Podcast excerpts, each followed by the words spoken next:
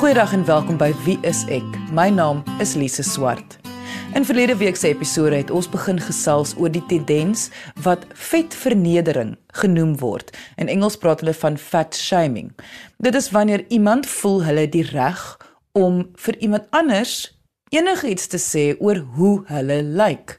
Dit vind veral plaas op sosiale media waar mense kan skuil agter anonimiteit of vryheid van spraak. Is dit reg om vir iemand aan te spreek oor hoe hulle lyk? Is dit reg om iemand aan te spreek oor hul gewig? Help dit enigsins om iemand aan te spreek oor hulle gewig dat hulle daardie gewig gaan verloor? Al hierdie vrae en nog meer het ons al begin gesels oor in verlede week se episode en ons gaan vandag verder daaroor gesels. Ek het drie gaste. Nana Zietsman, sy is 'n student wat al 'n slagoffer was van vetvernedering sielkundige Christine Nel wat met ons gesels oor die emosionele implikasies van vetvernedering en ons het ook 'n dieetkundige Karin Meyer wat met ons gesels oor wat is gesond wees. So kom ons skop vandag se episode af deur te luister heel eerste na ons gas Nane Zietsman en haar storie. Ek kom agter as ek as ek dink aan aan my eie so storie rondom my gewig. Ek is baie groot gemaak om baie bewus van myself te wees want ek was konstant vergelyk met ander en jy doen dit maar aan jouself ook. En ek dink dit is die groot fout wat ons maak oor die algemeen met gewig. Jy weet ons leer nie kinders of of van kleins af om hulle eie liggaam te waardeer en so of te omhels nie. Daar word altyd vergelykings getref. Jy weet, kan jy nie soos hierdie maatjie lyk like nie, kan jy nie dit doen wat hierdie maatjie doen nie.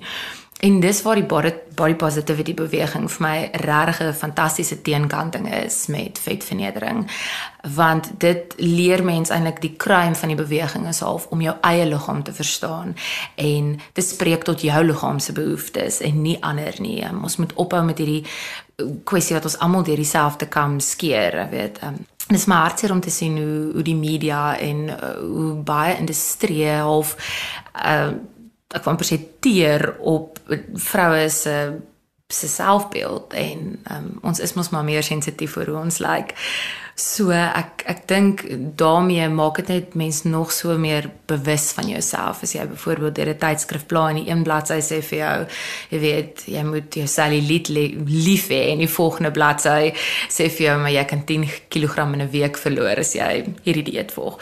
So dis baie teenstrydige boodskappe wat mens kry. Ehm um, en dit is dan moeilik om jou eie stryd te internaliseer en en werklik daardie negativiteit uit te sny en net te fokus op jou liggaam en wat jy wil doen.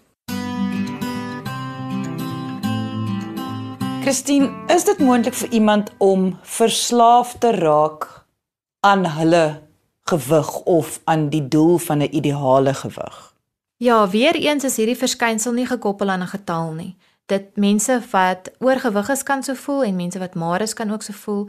Ehm um, jy kry selfs mense wat maar is wat nog steeds vet voel of wat vrees het dat hulle gaan gewig optel.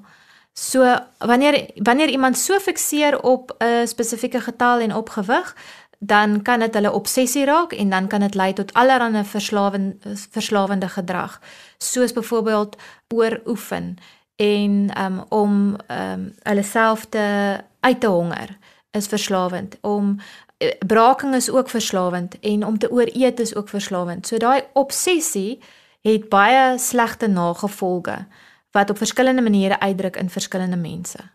Eetversteurings is baie ernstig. Mense assosieer dit met min eet of braking, maar daar is ook ooreet eetversteurings. Kan jy net vir ons verduidelik wat is 'n ooreet eetversteuring? Die Engelse woord is my bietjie meer beskrywend wat sê binge eating disorder. En dit beteken dat 'n mens eet baie het waar jy in 'n kort tydjie baie meer inneem as wat iemand anderster onder dieselfde omstandighede sou ingeneem het.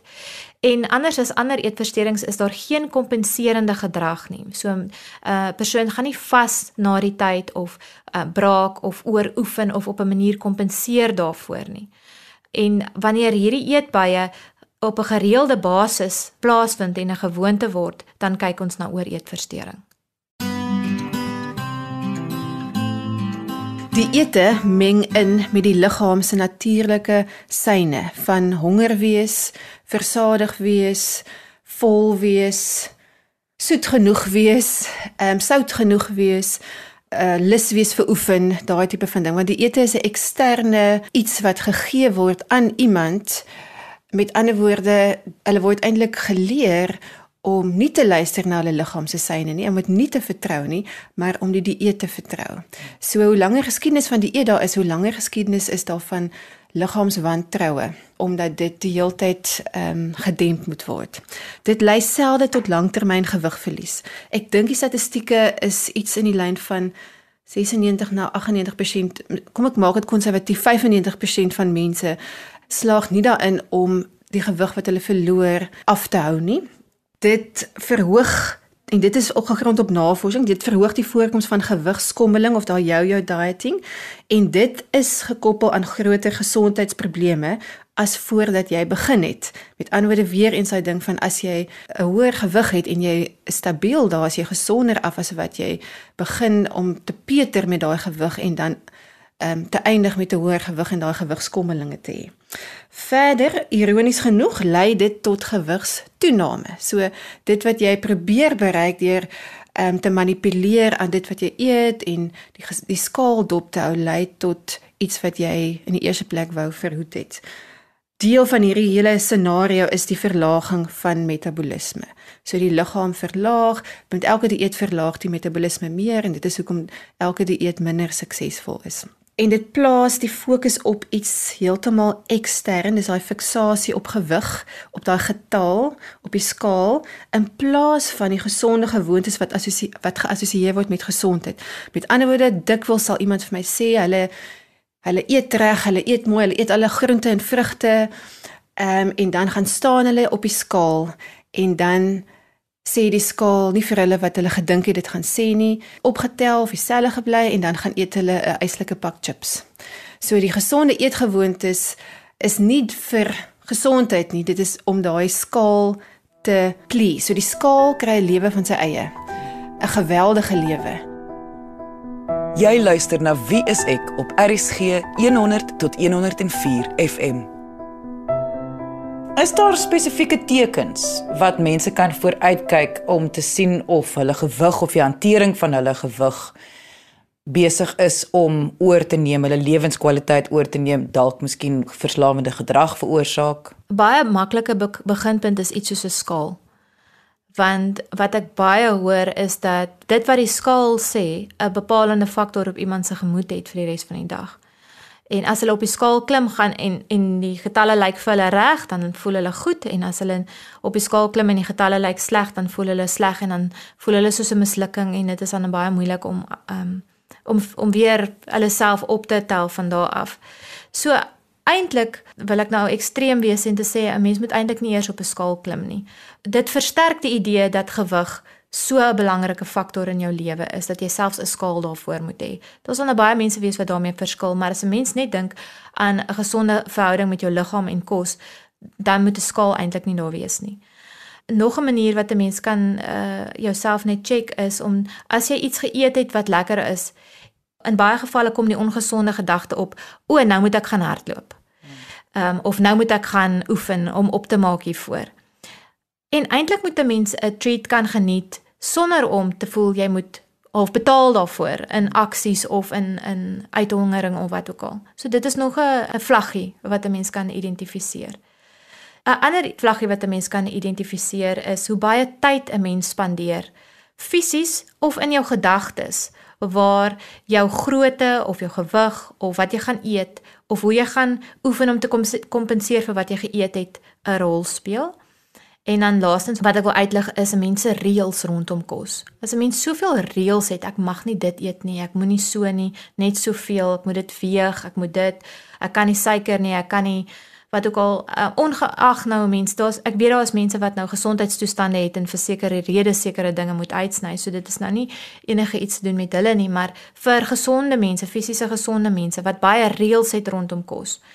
Mense moet dit ook 'n bietjie bevraagteken want Is daai reëls regtig iets wat volhoubaar is en wat gesond is en wat 'n gesonde verhouding met my liggaam en kos versterk of is dit iets wat daar is omdat ek soveel angs het rondom kos en gewig?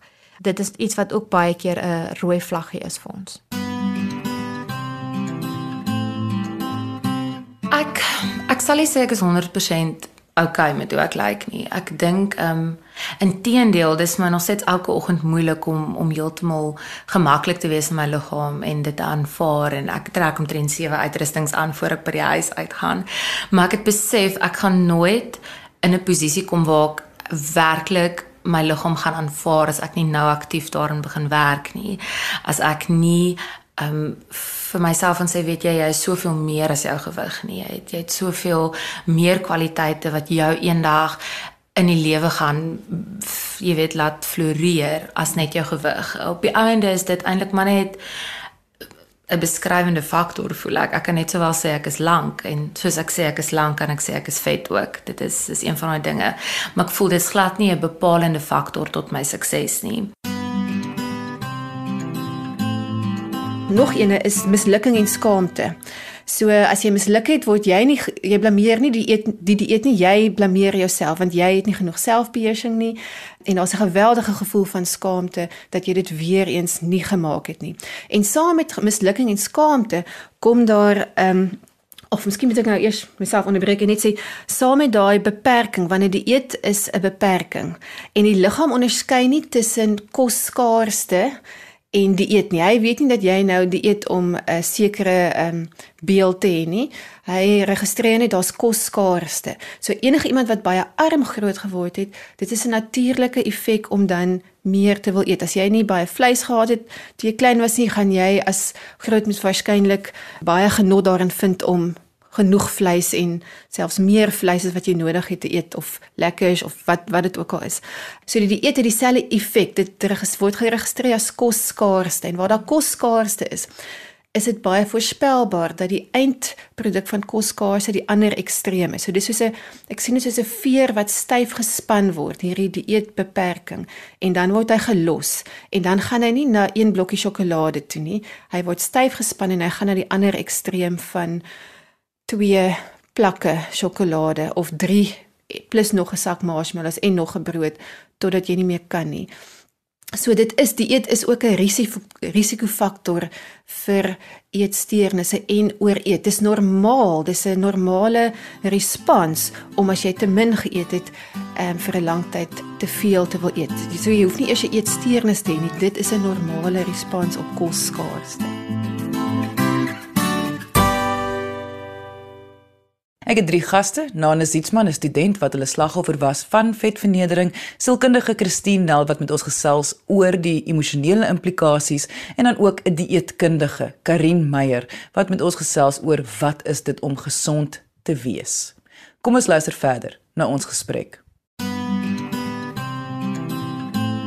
Jou eerste klas in 'n gimnasium hoe ongelooflik erg dit is om die enigste een te wees wat sweet en swaar te kry. Ehm um, en dan kry mens altyd daai weet daai daai kyke vol simpatie. Ehm um, vir alles jy 'n liter water drink op 'n slag. Romantiese verhoudings, watter uitdaging dit is. Ehm um, om eersins iemand te kry om mee te wees in 'n romantiese verhouding. Ehm um, en dan jy weet die die uitdaging om tren die fisiese verhouding as jy nou 'n bietjie groter is, uh ongemaklikhede as jy uit 'n swembad moet klim vir alles jy nie die trappies gebruik nie en jy moet so half walrus oor die wal. Ehm um, so ja, dis 'n o en platters natuurlik. Soos daar word altyd mos as daar 'n 'n platter is by 'n funksie of iets, dan moet mens baie mooi dink aan wat jy vat. So ek eet altyd net soos of die garnish af want jy wil nou nie onmiddellik vir die samosa of die sausage roll gaan nie. En dan kom ons natuurlik by klere en dit is 'n uiters sensitiewe kwessie. Die ongemak van sekere snitte, uh, die verskriklike groot behoefte wat daar is oor klere in groter nommers. Ehm um, dit was vir my so ongelooflik om met ander mense te sit en te besef maar ons sukkel eintlik met dieselfde ding. Ehm um, dit is dis vir my net so groot uitdaging om 2 km te stap op 'n warm dag as wat dit vir iemand anders is en poewe in plaas van stoele. Nou kyk, om iemand uit 'n poef te sien opstaan of 'n wat se mooi beanbag Dit is nogal some iets interessant. Die beweging in mense liggaam is is ook iets waarvan mense baie bewus is. Jy trek elke nou en dan reg aan jou hemp of iets soos dit. Waar kom 'n persoon se obsessie met gewig vandaan? Kan ons net die media blameer of is daar dieper redes? Wat in die huishouding gesê word rondom gewig en rondom die belangrikheid van selfbeeld en die liggaam en eetgewoontes ensovoorts speel 'n baie groot rol want dit kan die teelaarde skep vir 'n eetversteuring of nie. As daar 'n gesonde verhouding met liggaam en gewig en kos in die huis gemodelleer word en daar word op 'n gesonde manier daaroor gepraat en om daarmee omgegaan, buffer dit 'n persoon 'n bietjie van die invloede van die media en van van maat ensovoorts kinders wat in die huis geleer word dat gewig 'n baie belangrike rol speel en dat mense wat oorgewig is eintlik in 'n mate minderwaardig is, gaan dan in 'n skoolomgewing kinders wat oorgewig is spot of verneder op een of ander manier sonder om enige empatie te toon. So daar's verskillende fasette wat 'n mens hier kan uitlig. Die rol van die media kan 'n mens um, definitief erken, maar daar's ook die rol van die huishouding, die rol van die portuïergroep en die rol van die ouer-kind verhouding. Min mense besef 'n sielkundige kan 'n mens help met gewig en die hantering van gewig. So, wat kan mense verwag as hulle 'n sielkundige gaan sien oor hierdie onderwerp? 'n Sielkundige fokus op die emosionele aspek van die saak. So dit probeer 'n mens help om uit te vind wat is die onderbou van hierdie probleem. Natuurlik moet daar 'n um, fisiese oorsake heel eers ondersoek word want daar sekere mediese toestande wat lei tot gewigstoename of tot oorgewig. So dis belangrik dat iemand ook daardie sorg moet kry, maar aan die sielkundige kant kyk ons na die na die gesonde of ongesonde patrone wat 'n mens het rondom kos. Is mense besig om hulle emosies te hanteer op 'n gesonde manier of is die antwoord daarvoor altyd 'n dieet of kos of um een of ander iets wat met gewigsverlies te maak het. So dit help mense om jouself te ondersoek, te sien wat is die stand van sake, is daar 'n probleem, is daar 'n sielkundige probleem, waar kom dit vandaan en hoe kan ek dit van hier af op 'n gesonde manier bestuur?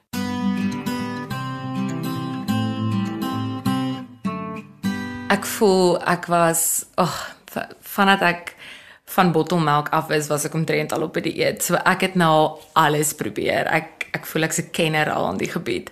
Ehm um, ek ek hou nie van 'n die dieet nie want ek voel dit moet 'n lewenstyl wees. Ehm um, dis baie moeilik mens kry mens sê die 3 dae dieet en 7 dae dieet, maar jy kan dit nie vir die res van jou lewe volhou nie. Dit wees jou lewe is so vinnig, jou jou tye wissel so dat dat jy nie altyd aktief tyd het om jou kos te weeg of byvoorbeeld die regte porsies uit te skep nie. So ek moedig altyd mense en ek, ek probeer dit in my eie lewe ook toepas om te vind wat vir jou liggaam werk en om dit werklik 'n lewenstyl te maak. Ek dink nie jy moet jouself van iets ontneem nie of althans is dit iets wat ek kan doen nie. Um ek sê emosionele eter, ek sê ek is eers om dit te erken. Um so ek gaan nie myself ontneem byvoorbeeld van 'n snykoek nie, maar in plaas van my hele een te eet, sal ek dalk net 'n halwe een eet. Ek dink dis juis wanneer ons onsself ontneem van dinge, um wat mens net eendag, jy weet, bietjie die bal laat glip en dan gee hy net totaal en al oor. So ehm um, ek dink definitief uh, ons moet 'n kop skuif maak rondom die ete en eerder te kyk maar wat behels 'n gesonde leefstyl werklik. So as jy nie met daai natuurlike verhouding met kos het waar jy kalm rondom kos kan dink en kan weet maar nou het ek genoeg gehad, ek voel versadig, ek kan môre weer 'n marshmallow eet of 'n stuk koek of wat ook al. Gaan jy die dieetmentaliteit invat in jou lewe? Met ander woorde, dis nou of nooit. Ek eet nou die stuk koek en kom ek eet nog van môre mag ek nie meer eet nie. Jy verloor jou jou stop. So baie van die werk wat ek doen is om mense weer te help om hulle stoppunt te vind. Nie wat volgens wat 'n dieet voorgeskryf het 'n halwe piesang en 'n kwart avokado en 6 amandels nie, maar waar is jou stoppunt? En mense verloor hulle vertroue om ooit weer daai stoppunt te vind. En uit my ondervinding sien ek en uit baie navorsing wat oorsee al gedoen is, 'n stabiele, kalm verhouding rondom kos is nie net emosioneel gesonder nie, maar dis fisies gesonder omdat dit dan nie lei tot daai jou-jou effek gewig toename, daai skade wat jy aan jou lyf doen nie. So dit is nie net van 'n 'n etiese hoek wat ek dit sê uh oor gewigstigma nie, maar in terme van gesondheid is daar goeie rede hoekom hierdie benadering weg van 'n skaal af gesond is. Jy luister na Wie is ek op RCG 100 tot 104 FM en dis waar sosiale media half intree voel ek. Um, dit het net 'n heel nuwe platform geskep vir mense om sonder uh nagevolge vir ander mense te fat shame.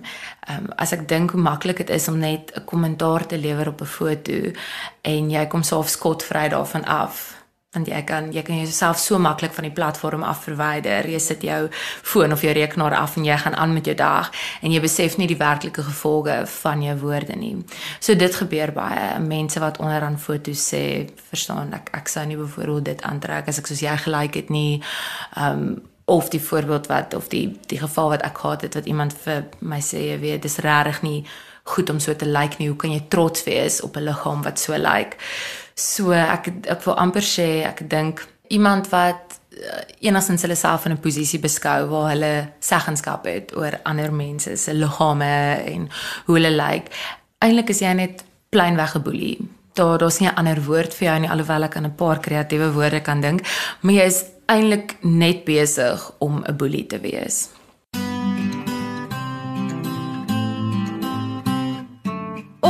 Regtig dan nou die vinger op die seer te druk, is dan eintlik maar boelie gedrag. En wat is 'n boelie? 'n Boelie is iemand wat iemand afkraak sonder om, empatie te hê met hulle saak. As dit vir mens baie moeilik is om jouself in iemand anders se skoene in te dink, stel jou voor iemand druk almekaar hulle vinger op jou pyn. Iemand maak jou stryd publiek. Dit wat jy mee sukkel in jou binnekamer word op jou rug gedra in 'n groot skerm en mense maak aanmerkings daaroor. Dit sal tog nie vir jou 'n gemaklike situasie wees nie. En dit is min of meer hoe dit vir iemand voel wat oorgewig is en aan mekaar aanmerkings hieroor moet verduur. So om 'n bietjie empatie te ontwikkel vir iemand wat dalk anders is as jy of dalk nie aan jou standaarde te voldoen nie, kan niemand skade aandoen nie en as jy dan volhard in hierdie gedrag, moet jy vrede maak met die feit dat dit boelie gedrag is. As jy iemand veroordeel en en hulle uitwys op hulle foute, is jy glad nie besig om hulle te bemagtig nie.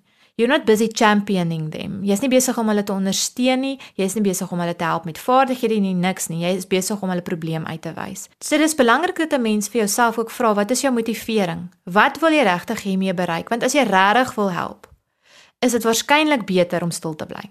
Ek sê jy moet jouself kans gee om te herstel van ons kultuur se obsessie met lywe, gewig en daai toonbeeld van gesondheid bevraagteken dit, rou daaroor, detox daarvan. Dis nou 'n detox wat ek beslis aanbeveel. As jy nie die skaal dophou nie, beteken dit nie jy is onverantwoordelik in terme van jou gesondheid nie. Jy kan nou juis spasie skep weg van 'n skaal om na gewoontes te kyk wat vir jou belangrik is. Maar dan kan jy werklik in voeling kom met wat jou lyf vir jou sê en dan kan jy weer jou lyf begin vertrou. En dit is nie 'n oornagproses nie. Dit is nie 'n uh, dieet waarop jy kan gaan en weer afval nie. Dit is 'n dis nou soos die Engelsman sê, dit is 'n journey. Wanneer 'n mens 'n patroon het waar jy 'n emosionele eter is, beteken dit dat jy jou emosies hanteer deur middel van jou verhouding met kos. So om om iets te eet wanneer jy hartseer is, um, raak die enigste opsie om iets te eet wanneer jy enige ander emosie ervaar, bly of kwaad of wat ook al, raak dan die manier wat jy die emosie probeer hanteer of reguleer.